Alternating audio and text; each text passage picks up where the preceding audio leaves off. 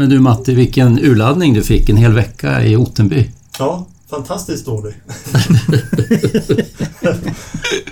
ja, det, du val, det blev inte riktigt det bra. Det blev inte bra. Nej, det var fel väder. Ja. Taskigt. Ja.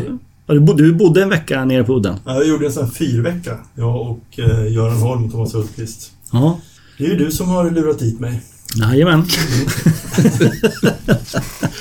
Nej, men det är, väldigt, det är väldigt bra att man kan få vakta fyren, eller öppna fyren mellan 11 och 17 varje heltimme mot att man får bo i Bertilshus. Precis. Så då kan man skåda på morgnarna och så har ni ju bra fiber där nere så då kan man jobba sen då man har, har den här fyr, fyrvaktningen. Mm. Men det var lite otur med vädret. Det var...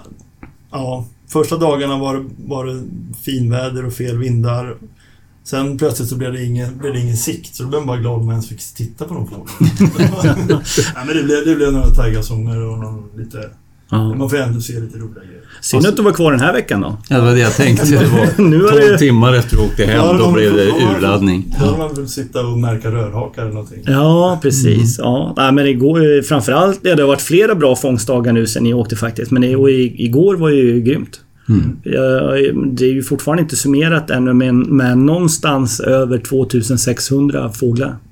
Ja, fast jag, jag är inne lite grann på Mats linje där. Det är, jag är bara lycklig att jag inte är där då. Alltså jag, jag tycker inte det är kul.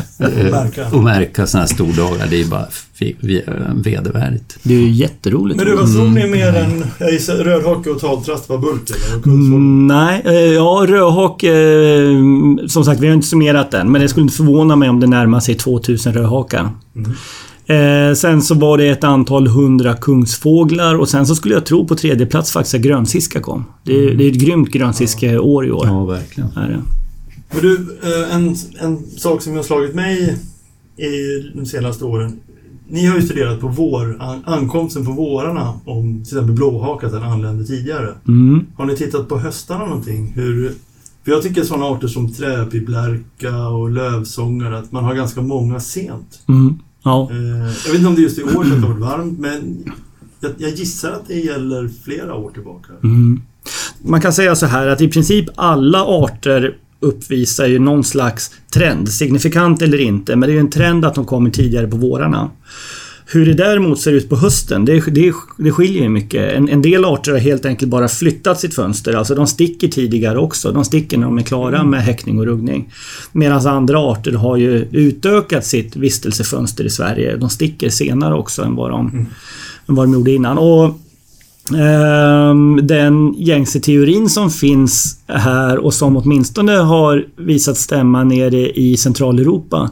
Det är ju att de fåglar som kan lägga fler kullar under gynnsamma förutsättningar. De gör det också. Och med längre somrar så innebär det ju ökade, ökade chanser att lägga fler kullar och därav också då ett senare, ett senare avflyttningsdatum på hösten.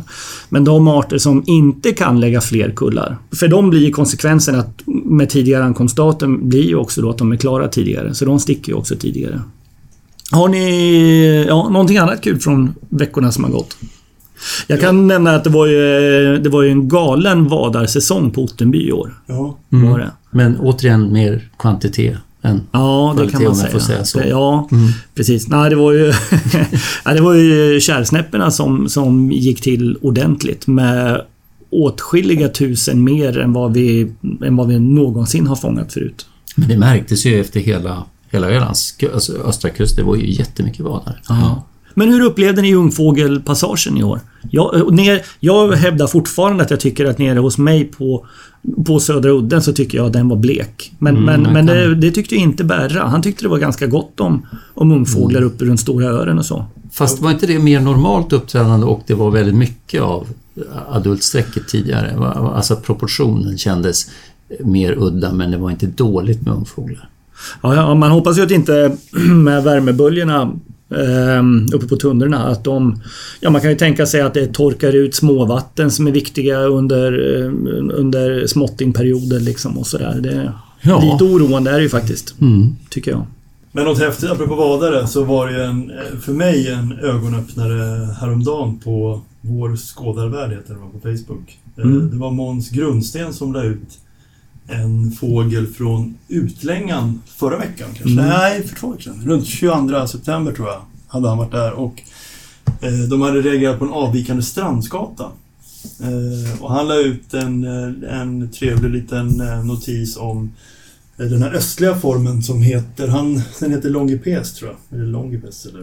Eh, som häckar inte så långt österut egentligen. Kazakstan börjar den väl någonstans. Och sen så sträcker den sig ett stort område i Centralasien. Sen ersätts den längre österut av andra östliga former som jag inte kommer ihåg namnen på. Mm. Men den här fågeln eh, avviker. Det är, det, det är väldigt roligt när man... För den, de har ju sett den tillsammans med nominatform. Och det är då man kanske reagerar på den, när man har den tillsammans med... Och den sticker av på den foton han har lagt ut. Som att den är mer långnäbbad och har blaffigare vingband. Eh, framförallt i, kanske i armen men även i handen. Eh, den har, jag tycker den har lite annan huvudform. En toppigare huvud hade den. Och lite, den här var den var brunare på ryggen också. Mm. Det kanske det kan i och för sig skulle kunna vara andra fenomen, rubbningsfenomen, men men det var en ögonöppnare. Mm. Som var, man, nu blir man sugen på att eh, kolla mer på strandskator. Mm.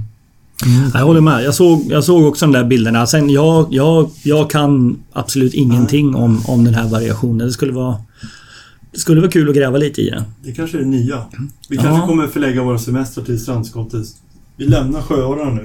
Ja. Och så är det, så är det tredje veckan i april. Var har vi mest strandskotor? Ja, det är där man hänger. Det är liksom... Det är Laholmsbukten. Nigerikans och amerikanska sjöar är slut. Det, det är ute. Ja, men jag kan ju tycka. Sjöåre och strandskottesträcket sammanfaller åtminstone lite i april så jag kan, ja, jag kan Ja. gå med på. Ja. Ja. Men det jag håller med dig, är väldigt spännande när det dyker upp en sån här, Ja. För mig också en nytt, eh, Ja. eh, ny grej att titta på. Det är jättekul ju. Men om jag förstod monstret så fanns det ju också åtminstone ett, det kanske var flera till och med, fynd eh, alltså claims eh, av den här formen som kanske till och med hade rapporterats till, jag tror det var brittiska RK va? Men de har väl inte Ja, publicerat något ännu eller? Nej, så kanske det var. Jag, jag, jag, jag gick in och kollade på lite foton på, på nätet direkt för att, eh, för att titta på de här karaktärerna. Och så, han nämner ju då någon nasal groove, alltså det är väl den här liksom skåran i näbben som Mm. är längre. Alltså det är inte en nostriller utan det är en skåra i näbben som jag fattar det. Mhm. Som är längre på, de här, på den formen. Mhm. Jag vet, man får väl man får göra djupdykningar här men det är Ja. bara att någon... Det är, det är, vi, har ju, vi har ju pratat om det i podden, liksom, vad, är nästa, vad är nästa grej? Vad är Mm. nästa trend? Vad blir liksom det heta? Man, man tror, vi tror ju nu att nej, nu har vi väl detekterat alla Ja. intressanta taxa som kan dyka upp men det här var en sån ny. Mm. Ja, verkligen. Men det blir, jag menar att det blir kul att se, ja, om, om någon nu har rapporterat den här till brittiska Ja. RK, så de tvingas ju att ta tag i det. Ja. Det ska bli kul att se vad som trillar ur eh, den processen. Jaha. Men jag tycker det borde vi vara... hoppas att Måns rapporterar den här så får... Just Ja. det. Så Precis. Alex har något nytt projekt. Ja, det låter väldigt bra. Men, men det, det som är tacksamt är väl ändå att det, det, det är ju ganska enkelt att få ett stort material från, från våra häktningsområden på Strandsgatan, Severation. Det, det finns väl hur mycket bilder som helst på Strandsgatan. Men, mm. Ja, kul. Du, jag kom på en, en, eh, en häftig fågel som vi, vi får inte glömma diskutera. Steppsångaren i Skåne. Eller, Ja, just det ja. Just det. Den, den var ju... Man har ju sett lättare steppsångare. Ja. Alltså, jag har inte sett den, men jag har sett bilderna och eh, inte minst Müllers eh, suveräna film där i 4K och sådär. Men, eh, ja vad säger du om den? Var det så här kaching direkt? Ja. nej, nej, men jag kan uppriktigt säga att jag, för i, i min bok så är ju det här en, det här är ju en lurig fågel. Är det. Den är jobbig. Jag, jag kan hålla med om att jag tycker att den ser kortstjärtad ut. Och jag kan också tycka att den har ganska kontrastrika tertialer.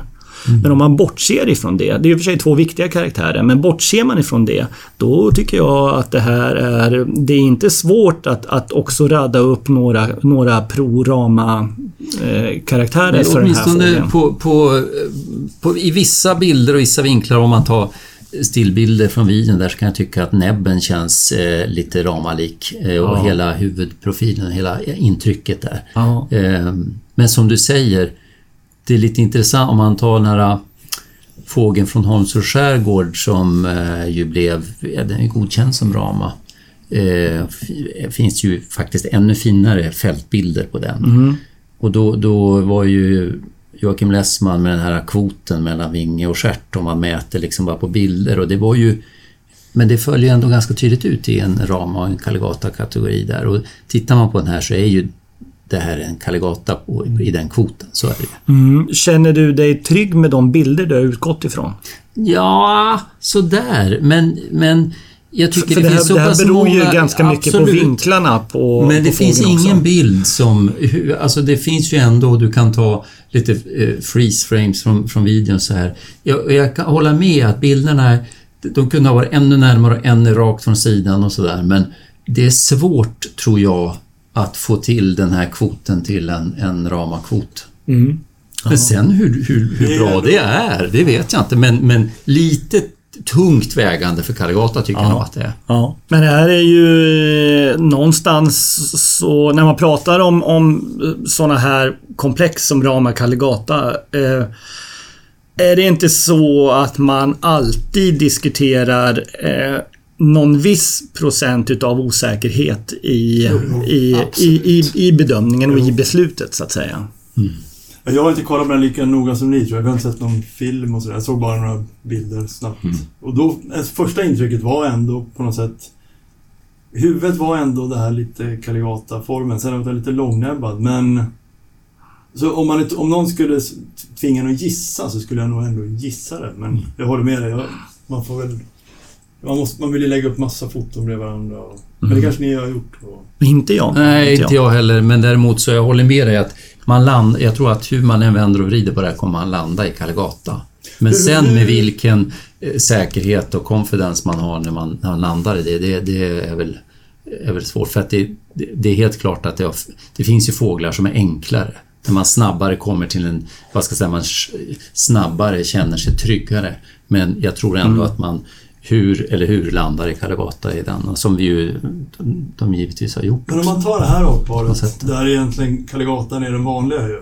Mm. Och liksom den, när tillåts vi vara ändå lite osäkra och så ändå publicera som Caligata? Alltså Mm. någonstans så är det så att om en art är jättemycket vanligare än en, än en väldigt ovanlig, Mm. då kan vi nöja oss med lite, alltså alla större pip som kirpar över går in som större pip.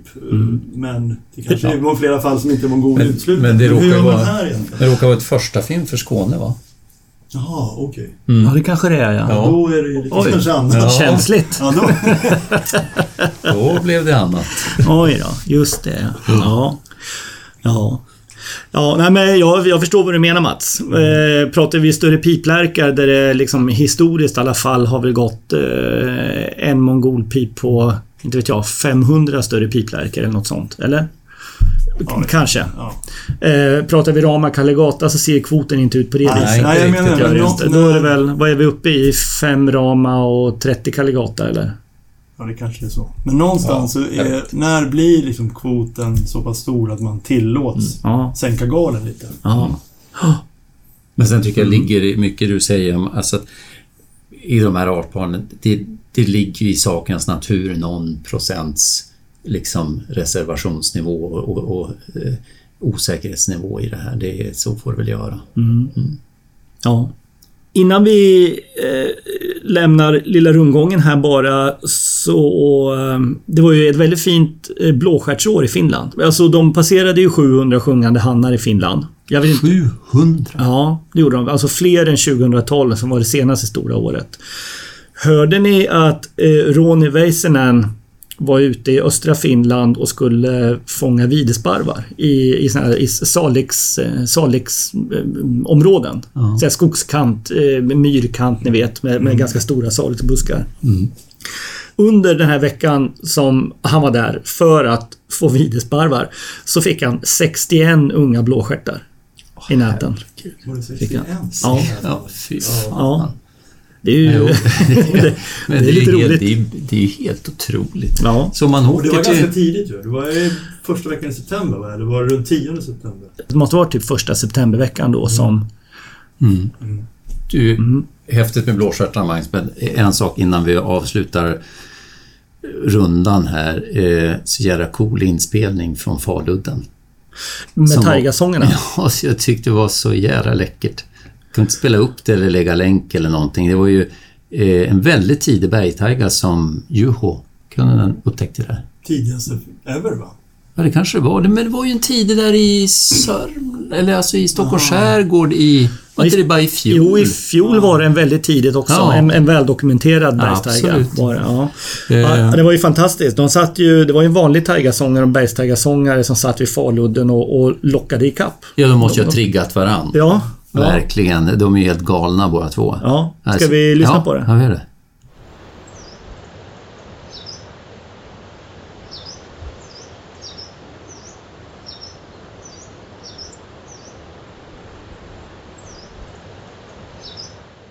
Det är otroligt coolt.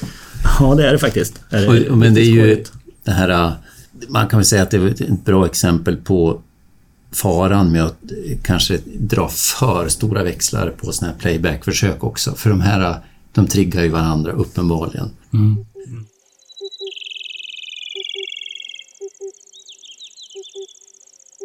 Jaha, eh, om vi, det, som sagt det var lite pinsamt länge sedan vi, vi spelade in men det var ju ett häftigt fynd på Öland i somras. Eh, en kul svala som eh, Krille Cederroth upptäckte i Segersta fyr.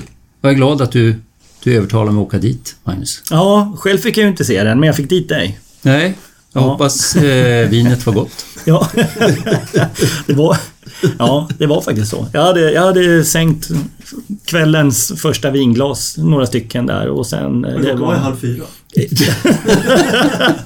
Kolla, gå, Det var- gå, gå, det? gå inte tillbaka och kolla det här Det nu. hade sänkts kvällens första vinglas, några stycken. Ja. Nåja. Det Eh, var på kvällen nu. ja, och så var det. Vi säger det. Ja. Eh, ja, men det var ju häftigt. Eh, det var ju en östlig fågel. Extremt häftigt. Ehm, också väldigt fina bilder. Ja, den var väldigt tacksam. Den flög ju fram och tillbaka där. Eh, Lite oväntad tid, var det inte så här julfilm? ja, nu har jag tappat vilket datum, men det var ju, det kändes som det var mitt i högsommaren. Ja. Ja, jag tror Krille hade några gäster där som ville, hade beställt någon guidning på kvällen som han väl lät sådär... Ja, det är väl bara att göra det då. Ja. Gå till stranden och se vad man hittar och så den där flugit förbi på nära håll bara framför ögonen. Eh, Och den fortsatte ju med det hela kvällen. Landets andra. Den första, om jag minns rätt, var väl Johan Myhrer som hittade vid Kungsgården va? Mm. Tror jag. Ja, det kan nog stämma.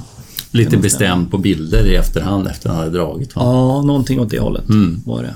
Det här är ju, det här är ju spännande former tycker jag. Superspännande. Ja, det är ju Men den- det, men det är ju inte, det är ju Det, inte det är alldeles en underart fortfarande va? Den har ingen, den har ingen artstatus. eller? Nej, men det här, det här är ju lite knäppt. Alltså Roskumsvaler Roskumsvaler finns ju i hela Medelhavsbäckenet och sen så knallar de ju österut in i Centralasien och sen så fortsätter ju Roskumsvaler bort i, i eh, ja, men ni vet, södra Sibirien, norra Kina. Det är där man har de här de flyttande populationerna. Det är ju dels nominatformen Rufula heter den va? Mm. Eh, Nej, förlåt. Inte nominatformen. Det, nej, Det är det är det som är så jävla... Ja, vi, vi är ju bortskämda med att ha Linné här i, Mm. i Europa. Men, men formen Rufula, det är den vi har i Medelhavsbäckenet. Österut, ungefär eh, ja, strax innan Altaj, så ska ju den då lösas av utav nominatformen Daurica. Och öster, sydost om den sen så kommer ju Japonica. Och de tre är ju alla flyttande. Sen söder om de här så finns det åtskilliga, eh, åtskilliga fler populationer, både i Afrika och i södra Asien. Men som är mer eller mindre stationära då. Så att det är väl, och de på något sätt så får man, de får man väl nästan räkna bort vad det gäller uppträdande i Nordeuropa och så. Men eh, de här, eh, ett par av de här sydliga arterna har man ju knoppat av. Eh, Man har brutit ut. Men när man tittar på det här, blev det här verkligen rätt tror ni? Alltså har man verkligen dragit artgränsen rätt rent geografiskt? Om vi tar den här striolata till exempel nere i, i Precis. Sydostasien. Ja, den känns... Eh, Det, skulle ju inte förvåna mig om den är mycket närmare Daurica och Japonica än vad, vad, den, eh, vad Rufula och Daurica är. Nej, precis. Precis. Exakt. Jag undrar om inte artgränsen skulle dras bort, borta vid Altaj egentligen. I den här utbredningsluckan som är strax väster om, alltså i östra Kazakstan. Finns det några genetiska studier på den här? Jag vet inte. Men, då, men det, där finns det åtminstone en, en ordentlig utbredningslucka. Ja, det är lite kul. Ehm, och den där luckan tycks ju vara ja, du säger Altaj och det kanske är så, men i nordöstra Kazakstan, alltså den här på, på webbsidan, jag vet inte alls vem som står för de här fynden, men man menar ju att, att man hittar båda formerna i Kazakstan. Mm. och att, att eh, det är rufula som finns i stort sett i hela Kazakstan och det är Ja. norra Kazakstan. Och så är det bara nordöstra hörnet Precis. där man har Daurika. Ja, det finns Ja. eh, breeds in Irtysh Valley in the area of inflowing of Bakhtarma River. Där har du Daurika. Ja, det där, och det är ju i Altaj i Ja, princip. men precis. Och det är väl där man har då övergången. Och ska man tro på den här, alltså som jag tolkar in Birds of Kazakstan och utbildningskartorna så är det ju, det är ju en klar lucka och sen kommer Ja. Daurika vid. Fast jag tror att det här är ännu svårare än så här. Tror Okej. jag. Om vi börjar med, ni har ju alla varit runt i princip samma områden som jag. Har ni någon gång sett roskumsvala i södra Sibirien? Nej. Eh, Alltså enligt utbildningskartorna så ska den ju gå från Altaj och sen södra Sibirien, norra Mongoliet, hela vägen bort där den löses av, av japonika bortåt, ja är det bortåt Manchuriet, inre Mongoliet eller, eh, Mongoliet eller någonting sånt. Jag, jag, har aldrig, jag har aldrig lyckats se den även fast man har hållit ögonen öppna. Efter. Känner ni till någon som har sett roskumsvalor här? Har ni hittat några foton från Altaj eller Mongoliet? Nej. Nej. Nej. Däremot så har jag under eh, hösten här nu så har jag, så har jag frågat några skådare där bortifrån. Dels har jag pratat med eh, eh, Elena Schneider. Ja, Eh, som ju kan Altaj som sin egen byxficka. Och eh, hon säger att eh, det finns inga publicerade observationer överhuvudtaget av den här arten i eh, ryska Altaj eller i södra Sibirien. det är det säkert. Så Ja. det är en ren... Jaha, och sen så frågade jag Igor Fefelom eh, borta i Irkutsk. Alltså då har vi flyttat oss 100 mil längre österut. Fortfarande inom områden där, där Daurika ska, ska finnas. Vi är alltså i södra Ja. Baikalregionen. Är vi. Igor säger också eh, att han själv aldrig har sett den här arten någon gång där borta. I sydöstra Burjatien säger han, det är alltså i den här regionen, eh, så har den tydligen registrerats som häckare men eh, den har aldrig häckat någon gång i, i, liksom i, den, i den sydliga delen utav, utav Burjatien. Utan det är bara bort i sydöstra hörnet där då. Och sen frågade jag Batmunk om, eh, från Mongoliet hur läget är där. Och han, eh, han har aldrig sett Roskumsvala heller i Mongoliet. Enligt honom och enligt gamla tryckta källor så, så ska den ha häckat men han tror att den har försvunnit ifrån häckningsområdena i centrala Mongoliet. Det ska tydligen finnas någon, eller ja, det ska finnas en, enligt litteraturen så ska det finnas någon häcknings, liten häckningskoloni ända in på 90-talet tydligen. Men om det kan vara så då att det har funnits, att det finns gamla skinn, att den har funnits fläckvis i den här regionen Mm. för hundra år sedan när, när de gjorde sina eh, stora insamlingsresor. Och sen har den helt enkelt försvunnit. Eh, Ja, och det blir ju väldigt spännande att veta om den här då, den lilla, lilla noteringen i Börs och Kazakstan. Det kanske också precis är ett Gammal sånt gammalt, gammalt Ja. skinnla som, Ja. som, som inte existerar idag. Ja.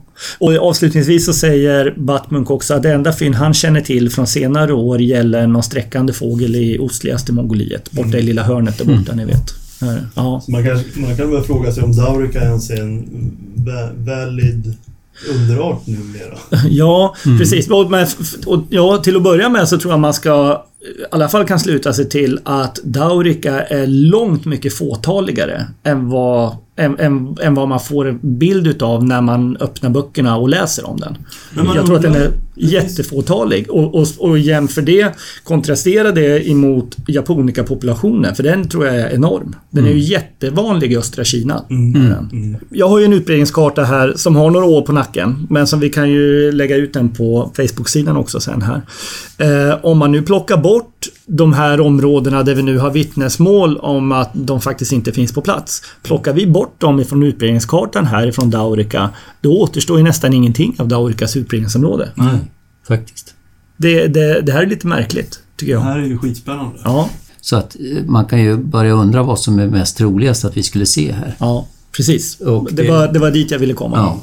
Jag är inte alls säker på att Daurik är den, är den sannolika rasen hos oss här, även fast den är bra mycket västligare. Så, så med tanke på hur fåtalig den verkar vara så, så kanske det är bra mycket mer sannolikt att det är en, en japonica. Men man undrar ändå, för det finns ju lite artiklar som har skrivits senaste fem, nå- någon i alla fall, eller två. Mm. Eh, där de ändå illustrerar Daurika. Man undrar vad de har för underlag. Var kommer deras underlag till de artiklarna? Mm.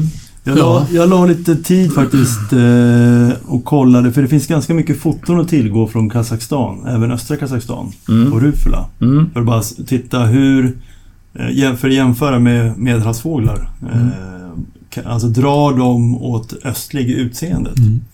Men det, det, det jag såg, det var snarare nästan tvärtom. Alltså de var nästan ännu ljusare och mera som en ultrarufula. Mm. Så det verkar ju inte vara så att... Det är inte så att vi har ett utseende som närmar sig Nej. eh, Nej. den östliga gruppen bara för att vi är i Kazakstan. Nej. Nej. Men då är det ju... Och då kommer vi då till den aktuella fågeln. Ja. Så ska man titta så den såg ju faktiskt verkligen ut som en japonica. ja den, den var ju rätt, rätt grovtecknad. Väldigt generellt. grovtecknad, väldigt mörkkindad och eh, mörknackad. Eller, det får Har- man nog säga ändå. Har ni hört japonica någon gång? Ja, i Baidache, det är ju massor av dem Ja. där. Men jag, det, jag har inte tänkt på, jag har inte tänkt på Ja. det. Har, har, du, har du reflekterat Nej, på det? nej när, jag, den, när jag var i Beidache, då hade jag tur en eftermiddag.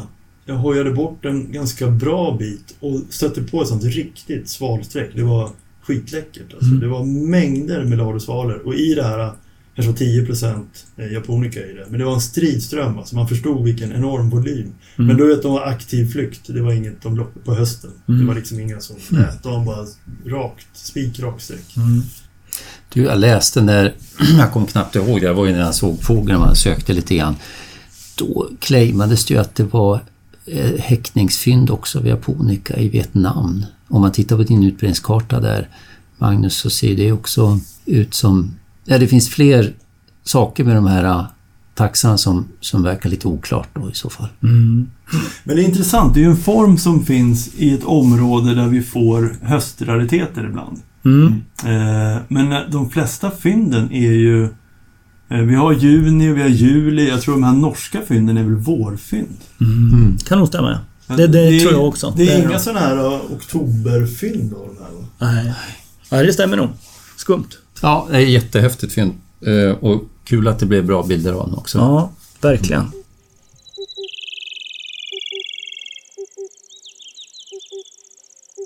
Hörru Manko.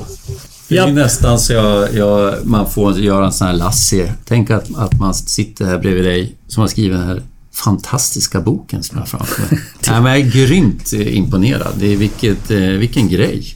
Vi är fyra stycken. Ja, eh, det vet jag. Ja. Men jag vet att du har jobbat mycket med den. Ja, Men jo. äras den som äras bör, det ska alla göra naturligtvis. Mm. Eh, Men jag talar naturligtvis om den nya boken Aging and Sexing of Migratory East Asian Passerines av Gabriel Norvik, Magnus Hellström, Dongping Liu och Bosse Pettersson. Ja, precis. Eh, ganska nyutkommen. Det var, det var en jobbig förlossning. Ja, Den luktar nytryck fortfarande. Mm. Ja. ja. ja. sprakar i sidorna när man tar upp den. Mm. Nej men, eh, alltså vad ska man säga Magnus? Det är, ehm, det är två saker som slår mig. Dels att man har utnyttjat, för, för egentligen borde du få börja berätta om bakgrunden och allting.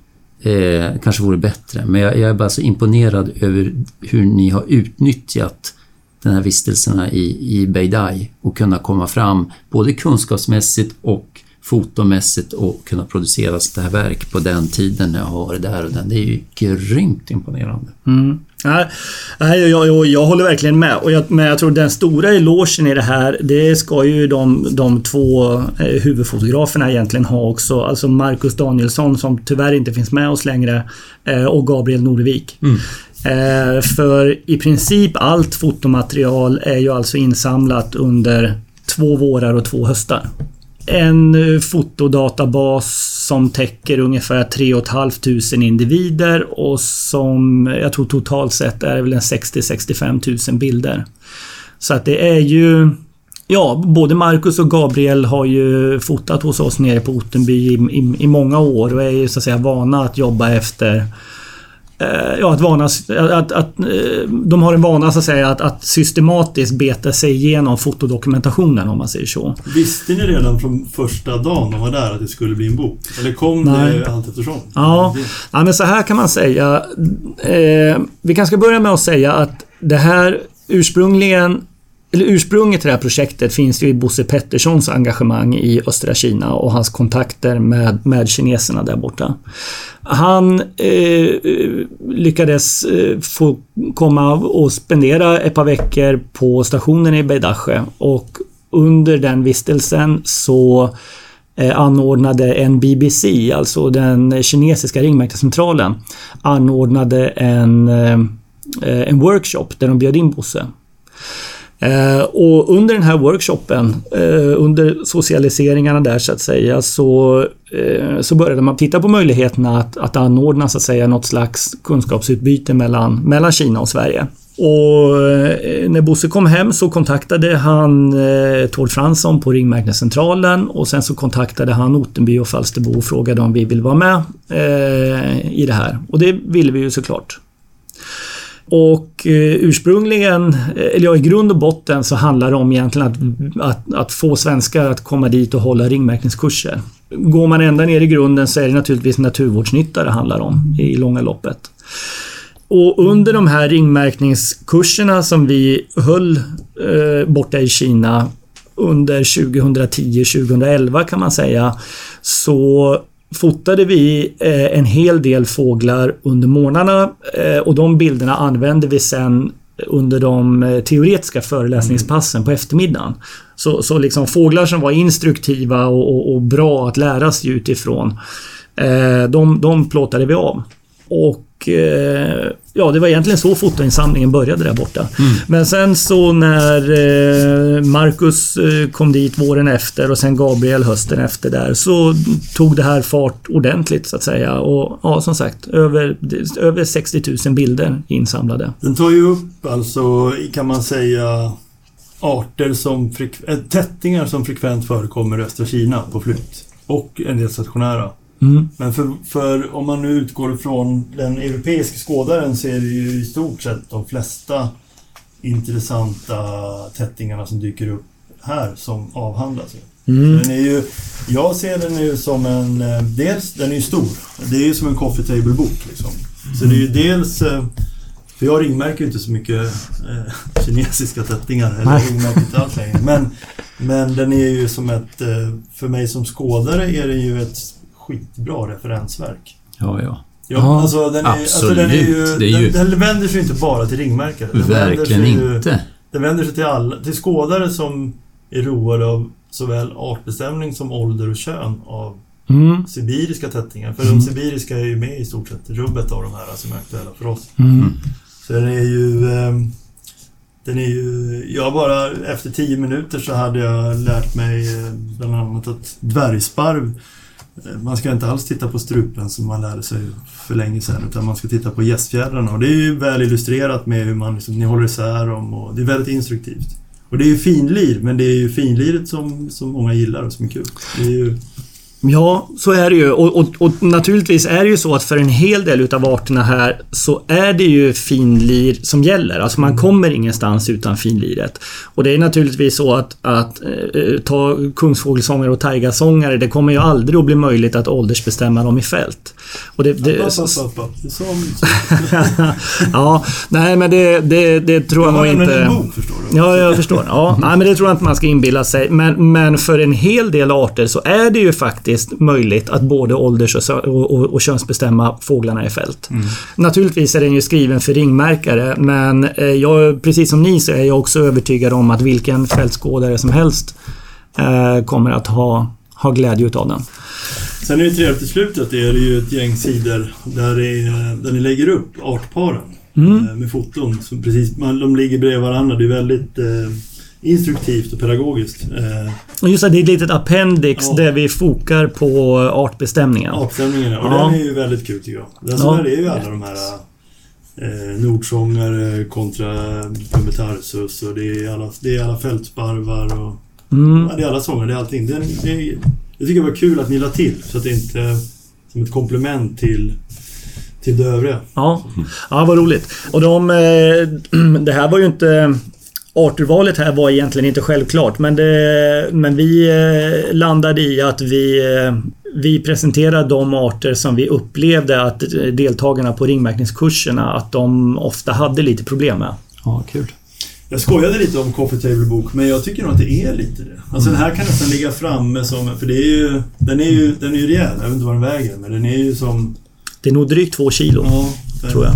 Så det är ju ingen man stoppar ner i, bredvid termosen i ryggsäcken. Nej. Det är, ju, Nej. det är en bok man har hemma.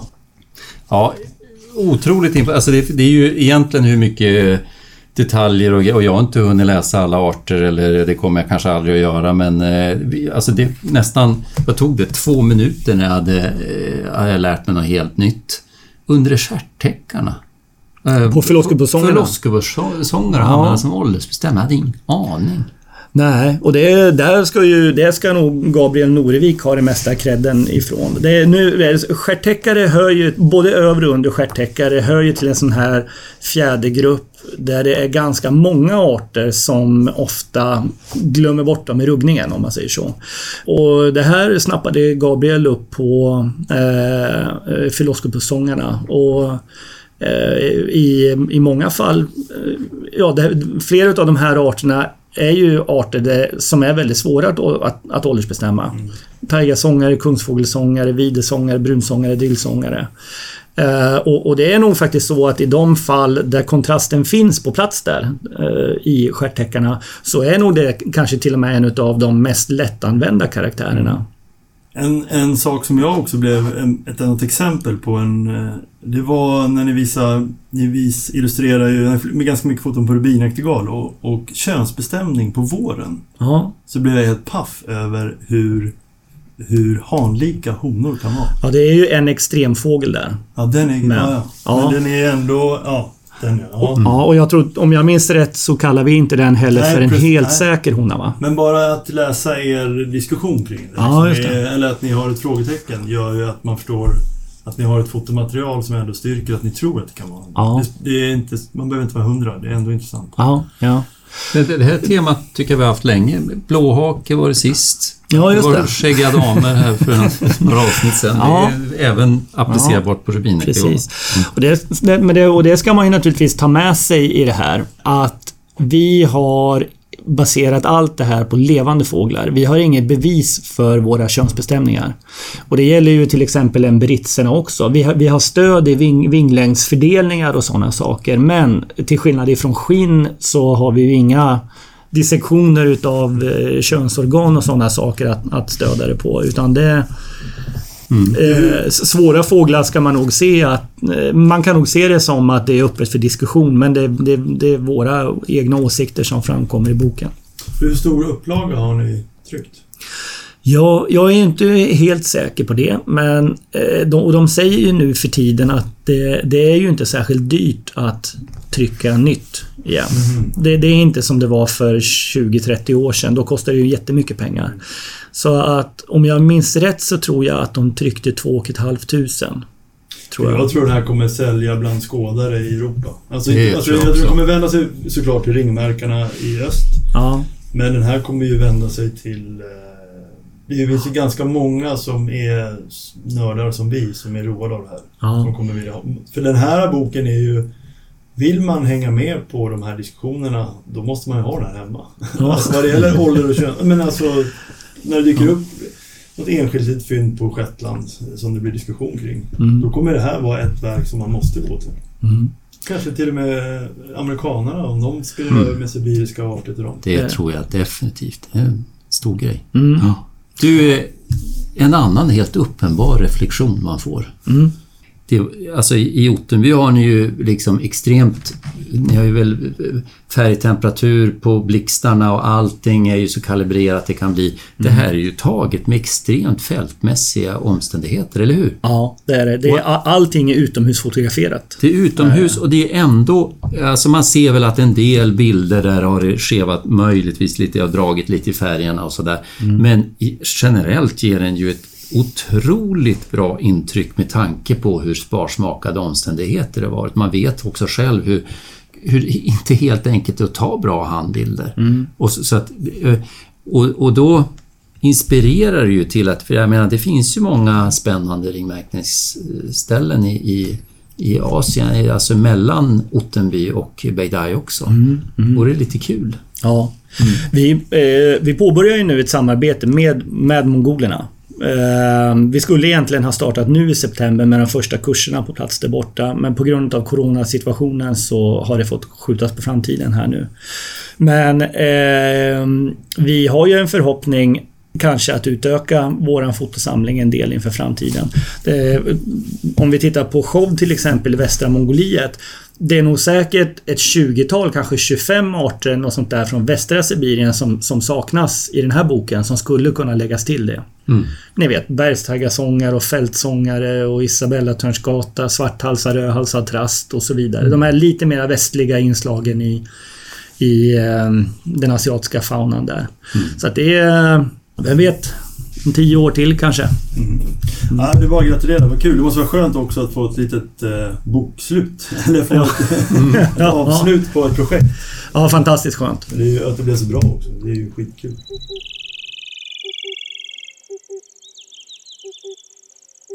Hörrni, jag har en fågel här som jag skulle vilja ta upp med er och visa för er innan vi rundar av för idag. Jag tror det här är en fågel som ni kommer att bli lite glada för att se. Faktiskt. Nu ska jag vrida på datorn här nu så får ni kolla. Det här är en fågel som vi fångade nere på udden för, kan det vara två veckor sedan? Tror jag. Det är en rödstjärt. Mm. Ja, eller är det en svart rödstjärt? Ja. Precis. Ja, den har röd stjärt, det kan man konstatera. Ja, just det. Det är ju en, en, en, en slags rödstjärt. Ja. Är det. Vad- eh, eh, eh, Allmän reaktion om ni hade sett den hoppandes eh, ute på gräsmattan. Jag hade nog tagit den som en rödstjärt. Som en vanlig rödstjärt. Ja, jag tror det. Alltså, jag måste backa lite, den, den är så rak på. Ja, oh, ja. ja, jag är rädd för det. Jag är rädd för att den hade men kunnat den här- den släppas som I och den. med att den är så jävla ljus. Men det här är ju skumt. Ja, precis. Nej, jag, ja, men jag hade nog... Jag hade, som du Jonas, i och med att den är så ljus... eh, Mm. Ändå ljusbukad. Men jag, den är ju ett mellanting. Ja. Den är Ja, rätt mörk knepigt. eh, ovan. Verkligen. Den. Alltså den är ju mörkare och gråare. Den har ju inte den här eh, Alltså bafftonerna ovan som man, som man hittar hos vanlig, hos vanlig rödstjärt. Och den är ju också mörkare under till. Ja. Den. Och, Det här känns konstigt. ni håller med om att den mörka strupen där man ser av den att den sträcker sig långt ner? Verkligen. Ja. Och sen då, alltså om det, när det här nu... Det här måste ju vara en hanne. Ja, det är en ung hanne. Ja, och då... De är ju mycket rödare. Ja. Alltså en, Precis. ung, en rödstjärt. Den Ja. här är ju galen. Ja. En, en, en svart rödstjärt saknar de orangea tonerna Ja. helt och en vanlig Ja. rödstjärt är ju rödare än det här. Och Och den ljusare och rödare. Den brukar ha en tydlig haklapp som är vitbrämad och sen vit... Den brukar ju få som en vit liten halsband nästan. Ja. Är. Ja. Den är ju... Den är ju Och tydligare den hantecknade brukar de ju vara. Ja. Mm. Fasiken vad kul. Ja. Det, här är, det här är en fågel som Filip Jansson, eh, Viktor Eriksson och Noel Hohenthal hittade i fält precis norr om stationen. I, upp, upp mot dassbusken någonstans där längs muren. Och som vi sen fångade. Kolla undervingen här då. Är inte det här också riktigt skojigt?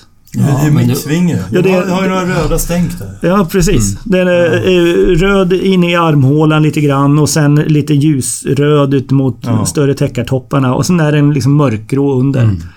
Ja, en vingformig bild kanske inte säger så mycket så här, men jag har ju räknat på den och den, den ligger ju utanför vanlig rödstjärt. Alltså kv- kvoterna med, handpennespacingen ligger utanför vanlig rödstjärt, den ligger utanför svart rödstjärt. Och den ligger precis så som Stein eh, mitt i hans hybridspann. Mhm. Lät det någonting? Eh, ja, ska vi lyssna på en gång eller? Mm.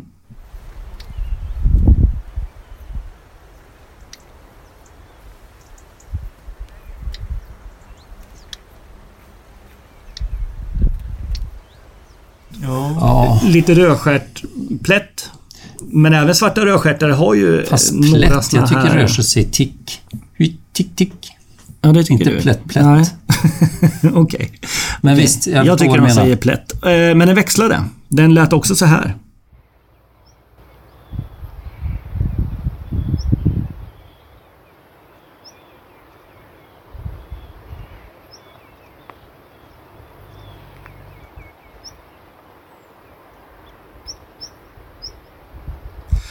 Ja, den- Ja, det den- var ju mer åt svart rödstjärt, men det var ju väldigt...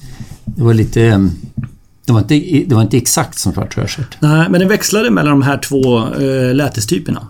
Gjorde den. Väger man i samman allt det här, det går ju inte att landa någon annanstans än att det, att, att det måste vara en hybrid såklart. Och jag, jag tror, jag letar lite grann här nu och jag tror att det här åtminstone Åtminstone den första konstaterade unga hybridhannen för Nordeuropa på hösten. Ja, läckert. Ja, alla andra hybridfynd, alltså det finns inga hybridfynd överhuvudtaget under, under hösten. Eh, tittar man i, kommer ni ihåg i British Birds för något år sedan så publicerades en ganska stor och omfattande hybridartikel. Och där har de med några höstfåglar. Eh, men det har antingen varit gamla hannar eller så är det fåglar från ett sånt här tyskt hybridprojekt igen. Så för allt vad jag vet så är det här så att säga den första dokumenterade unga hösthybridhannen. Och det tycker jag är lite kul med tanke på att vi har, vi har diskuterat många gånger, ni vet Phoenicurides eh, uppträdandet på hösten och, och risken, att, eh, risken att blanda ihop eh, det här med hybrider och så. Och en av de grejer som jag tyckte faktiskt var allra roligast med den här, för det har ju varit påtagligt med Phoenicurides-fåglarna att de är röda i undervingen. Man, vi kanske ska, man kanske ska säga det att, att vanlig rödstjärt och östliga svarta rödstjärtar, sådana här Phoenicurides-fåglar, de är ju röda i undervingen, alltså axillarer och undervingtäckare. Medan svart rödstjärt ju är, är, är grå. Den, den saknar ju de här rödtonerna. Och jag tyckte det var lite, lite kul att, att den här hybriden uppvisar liksom även en, en undervinge som är intermediär. Men det, man tänker, det finns ju ändå en hel del vårfåglar dokumenterade. Ja, Eh, och de är ju ofta ganska rödbukade som en, som en rödstjärt. ja, Men i och med att de här inte har någon vinterruggning så ska vi, vi kan ju leka med en extrapolering här. precis. Den här kommer förmodligen inte se ut som de här klassiska hybriderna som, som vi... Som det ändå finns en hel del fotade av. Svårt att veta hur mycket, för du ser att det är en Mm, det är hel del rött, rött. I, i basen här. Ja, men, Men- den men- kan bli så röd alltså, Nej. som... Det, det, här, det här är ju långt ifrån alltså, Ja. Phoenicurides-utseendet. Den, Ja. den här är ju... Det tänker man inte ens. Nej. I den här British Birds-artikeln, den här lite mer omfattande hybridstudien som de publicerade där för ett par år sedan, eller ett år sedan. Där eh, så klassificerar de ju hybridutseendena i olika fack. Jag tror det är sex, sju olika fack. Och bland annat så har de eh, ett särskilt fack för extra ljusa fåglar så att säga. Och det är möjligt att, att det här kommer att bli en sån här ljusblek hybrid. Jag har Ja. sett några sådana från Sverige också. Ja, okej. ja men Ja, det, det hade man gissat. Ja, en ganska kontrastlös och ljus. eh. Och det, det är möjligt att det kommer att bli en sån. Men du, eh, vad kul att eh, stationspersonalen är på alerten. Ja, men verkligen. Absolut. Mm.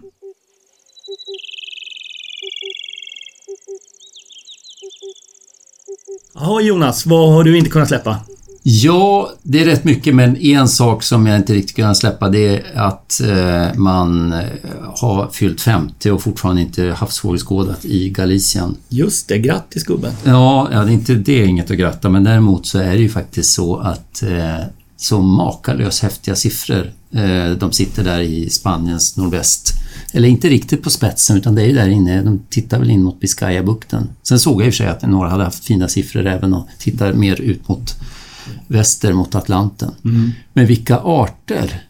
Great Wing Petrel, mindre albatross och så pratade vi i våras om vitkindad petrell från, eh, eh, vad var det? Skottland? Orkney. Orkney var det ja. Och så sen så, så i sommar har det ju varit två claimade fynd av kortstjärtad lira, short-tailed. just det. det var ju lite kul. Vi hade ju den som en liten spaning här. Eh, på en Inte kunna släppa.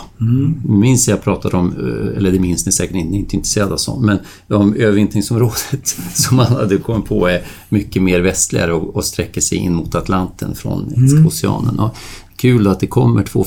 Jag det verkar vara så, eh, det är så sanslöst svårt att bestämma de där så man blir ju lite matt. Ja, den första Obbsen var väl inte jätterolig heller va? Halvdöd. Ja, nej, precis. I, i landspolad. Det enda positiva är att man kan bli säker på den i alla fall. Ja, Men- just det. Mm. Men det jag ska komma till är att alltså, det är sj- självklart så att vi alla skå- alla skådare blir bättre, men två kortstjärtade liror, en vitkinda petrell, en, en eh, jag vet inte vad den heter på svenska, Great Wing Petrel, en jävligt häftig art, jag har sett den i Sydatlanten. Den eh, flyger ju liksom så här, med en enorm hastighet och stora bågar. Den skiljer sig väldigt mycket från liror och sådär med de här eh, häftiga flykten. Och så vet jag, eh, det, är något, något, det var inte så många år sedan man såg sån här svartmagad stormpetrell i, utanför Azorerna. Så min reflektion, är det liksom något som har hänt i, i flö, eller vad försöker sig sydatlantiska fåglar upp? Eller är det bara skådareffekt eller är det något som har hänt med havsströmmar, med föda, med klimat eller någonting som gör att vi börjar se de här lite mer? Och är det så att vi, vi liksom ska börja förutse än mer av den här typen av fynd? För jag menar, det finns ju alltså, fåglar som häckar i enorma antal i södra Atlanten.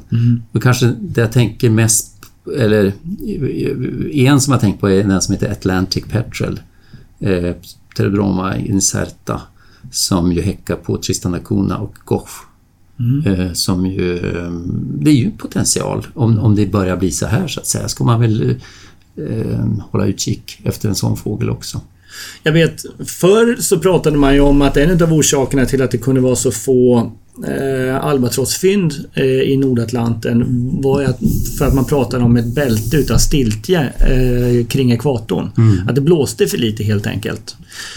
Det är ingen hemlighet att antalet eh, stormoväder ökar så att säga runt omkring eh, om oss. Det finns ju, ja, kolla data från Nordamerika till exempel. Ja. Kan det vara sådana saker som gör att de, att de tar sig över ekvatorn på, på eh, ett enklare sätt än vad de har gjort förut? Det skulle vara kul att höra någon, någon meteorolog uttala sig om det så att, att det har förekommit liksom vädersystem som sträcker sig över ekvatorn så att säga, om de kommer upp från Ja. vet jag, Brasilien och någon, Jag vet inte. Det var bara en fundation och en reflektion att det, det liksom är ju mer än en slump med de här fynden, framförallt i sommar.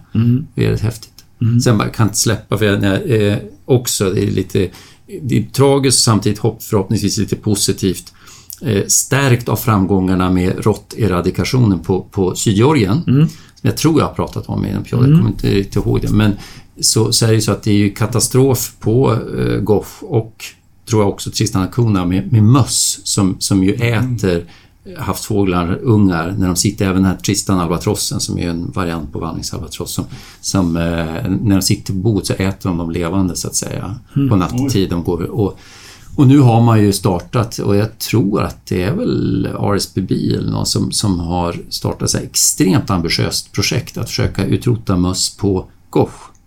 Men då har de ett problem. Det finns ju eh, en endemisk fink, en endemisk rörhöna som man tror kommer att inte klara det här. Eh, så att man, har, man har ju satt igång det här i, i år tror jag. Om inte, det förmodligen har väl covid kanske satt käppar i hjulet men tanken var att köra igång i år. Och ska man börja tid på våren och fånga in rörhönan eh, som är endemisk, finken som är endemisk, sätta dem i säkra voljärer som man kontra att de är råttfria. Sen massivt beta med gift så att man dödar alla möss. Och det är ju inte småöar heller så det är en extremt ambitiös och eh, dyrbar plan men skulle man lyckas är det fantastiskt. För just till exempel Atlantic Petrel, även fast det är jättemånga så är, anses den nu vara sårbar på grund av att den också mössen äter ju upp dem också. Spännande. Ja, Kul. faktiskt. Det där får du, du får återkomma. Ja, men jag ska hålla lite koll på det. Ja, roligt. Mats? Ja, jag har en lite mer ytlig, eh, ytlig sak jag skulle kunna släppa. Men eh, som ni vet så i våras så blev jag ju ledsnare på det här med larm. Eh, eller, så för det första, jag, drar, jag åker aldrig på några arter eh, oavsett vad det är. Och, eh, men jag fick någon, jag vet inte vad som hände. En livskris. Ytligt? Är det, inte, det här är snarare själsligt. Ja, det är väldigt själsligt. Det är det ganska liksom ändå, jo. Men jag, jag la ner allt det här med att ha larm för att se att jag, ja. Jag skulle få en annan relation till min fågelskådning. Ja, du, du fick liksom ingen förståelse från Magnus, vet jag. Han fattar ingenting. Men det Nej. intressanta med det här, när jag skulle sluta, i och med att jag, jag använder ju bara det här larmet för att eh, få information. Inte för att liksom åka på någonting. Men det, att sluta med larm, det är det är, man, det är ett missbruk. Man är, det, det första man gör på morgonen, så här, det är att man sträcker sig efter telefonen. Var har det larmats något? Och jag gjorde, fortsatte ju att sträcka mig. Så, nej just det, appen är borta. Och det här blev ju jobbigt till slut. Man vill ju, ha, man vill ju veta. Har det setts någonting de senaste timmarna? Eh, Du fick ställa dig upp och kolla i morgonspegeln varje morgon och säga Hej, jag heter Mats Wern, jag är fågelskådare. Ja, precis. Ja.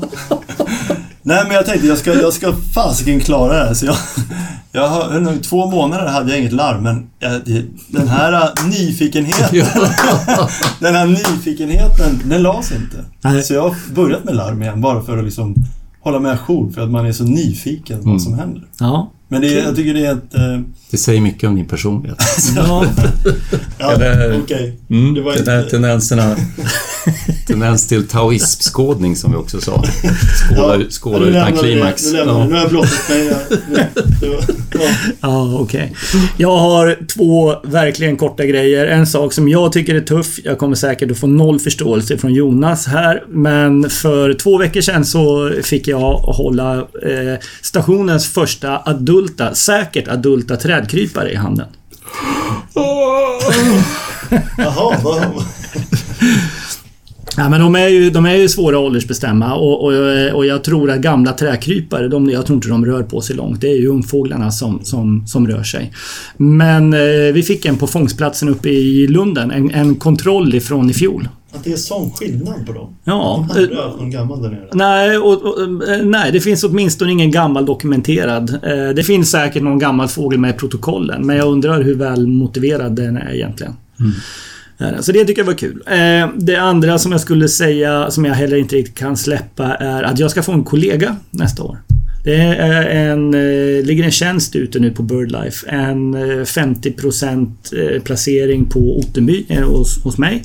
Den andra 50% uppe i Stenåsa. Med projektledning och projektadministration och sådana saker. Ska den personen vara med här i podden också då? Eller, har, eller tar ni varannan gång? Bara... Ja, nej, ja. Men du, Ja. vilket, fan vad kul. Vilket jobb ni måste. Jag tror ni får väldigt många sökande. Ja, jag hoppas ju det. Och jag, jag, jag, naturligtvis så fiskar jag ju efter ansökningar här nu då när jag nämner det i podden här. Hur många kryss måste man ha? Är det finns någon sån här gräns? Ehm, Så är det någon lyssnare som är eh, sugen på det så eh, via Birdlives hemsida så kommer ni åt annonsen. Eh, men eh, jag tror vi var klara. Absolut. Nu är det skådning som gäller. Ja, det är det. Toppen, tack! Nej. Hej!